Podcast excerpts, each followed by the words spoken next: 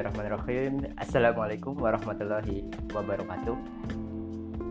Kembali lagi pada sama saya Ibnu hanya di, podcast. Dalam program Bincang-Bincang kali ini Saya mau ngobrol bareng kamu Sekaligus kita sharing agar kita sama-sama bermanfaat dan saling berbagi. Tentu untuk hal-hal yang produktif dan positif. Dalam sharing kali ini saya ingin sedikit membahas tentang cara menjual sebuah produk yang mahal.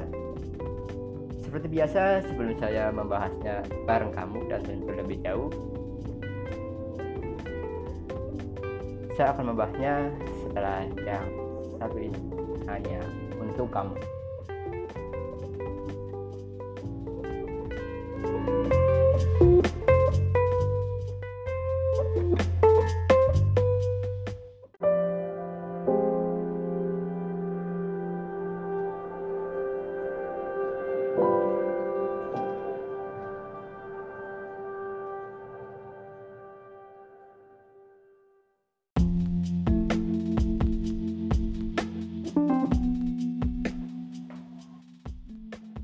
Sedikit kita pahami bahwa kita tidak mungkin menjual satu produk pada semua orang. Itu faktanya. Jika kita menjual suatu produk kepada semua orang, tidak mungkin dan tidak ada yang akan membelinya. Jikapun seandainya membelinya itu hanya keberuntungan dan itu pun hanya sedikit. Kenapa bisa begitu? Yang pertama, mereka belum teredukasi dan belum tahu tentang produk tersebut. Itu sudah sangat jelas. Dan untuk yang kedua, mereka belum kenal dan bahkan mungkin tidak tahu tentang penjual. So, itu pasti kan.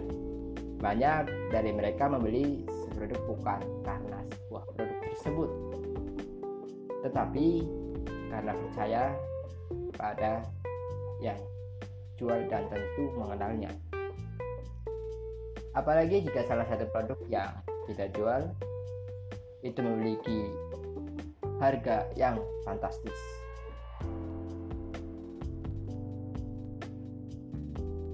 Misalnya kita menjual sebuah produk besi dengan harga 400 ribu itu sebagai contoh apakah ada orang yang akan beli jika mereka belum mengenal dan memiliki kepercayaan terhadap kita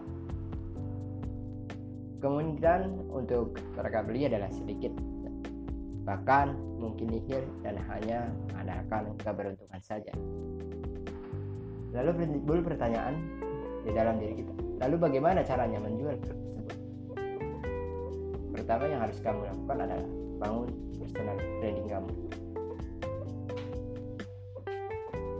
Perkenalkan dirimu kemampuanmu dan kelebihan apa yang ada pada diri kamu Perkenalkan semua itu kepada orang yang luas. Dengan ini, kamu bisa memanfaatkan media sosial untuk menjangkau market jauh lebih banyak. Bahasa kalinya Anda bangun personal branding diri kamu sendiri. Apa personal branding? Ya, mungkin sebagian daripada teman-teman tidak asing lagi dengan kata personal branding. Personal branding merupakan kegiatan yang mengenalkan dan mempromosikan diri kamu sendiri dan kelebihanmu. Bangun citra positif diri kamu di hadapan semua orang. Membangun kepercayaan orang lain terhadap diri kamu.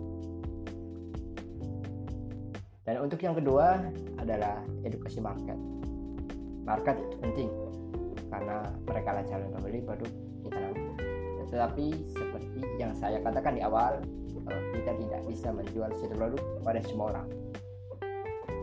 Maka cara tergampangnya adalah dengan mengumpulkan mereka, mengedukasi terus mengedukasi mereka.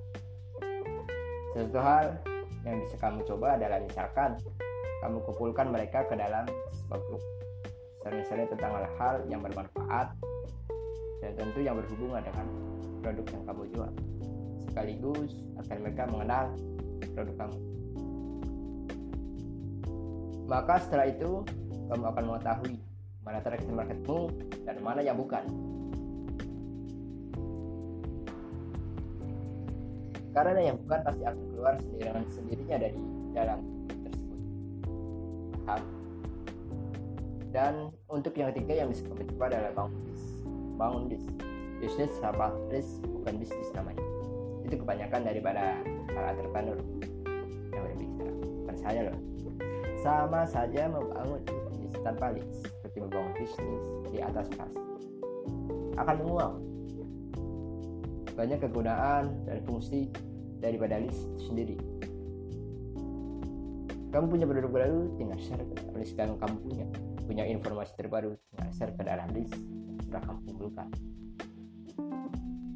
sekaligus list juga bisa menjadi tempat edukasi market yang sudah pasti. Karena orang yang terdaftar sebagai list kamu otomatis adalah orang yang memiliki ketertarikan terhadap bisnis kamu. Kalau tidak pasti akan memutuskan untuk keluar.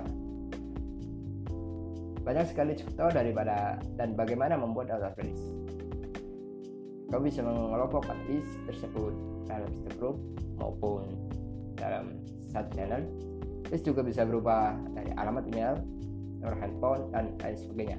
Kumpulkan semua itu. Itu akan berguna dan bermanfaat bisnis kamu untuk meningkatkan penjualan daripada produk kamu. Apalagi jika produk kamu memiliki harga yang super super fantastis. Cuma satu yang harus diingat.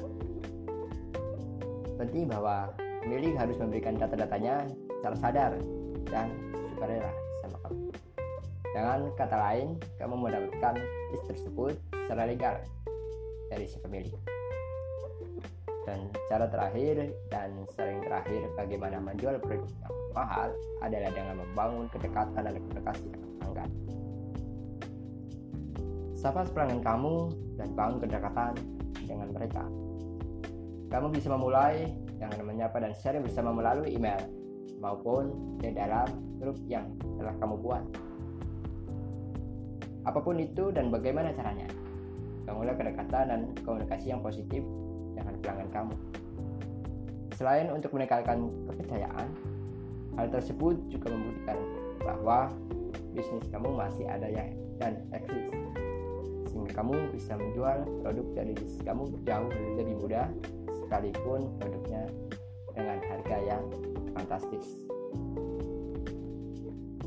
Tetapi kalau memanfaatnya banyak apa kata? Akhir kata mungkin sekian sharing dan bincang panjang kali ini. Bersama saya Ibnu hanya di, di podcast. Podcast ini dipersembahkan oleh Prince.com sampai ketemu di sesi podcast selanjutnya. Hanya di Wassalamualaikum warahmatullahi wabarakatuh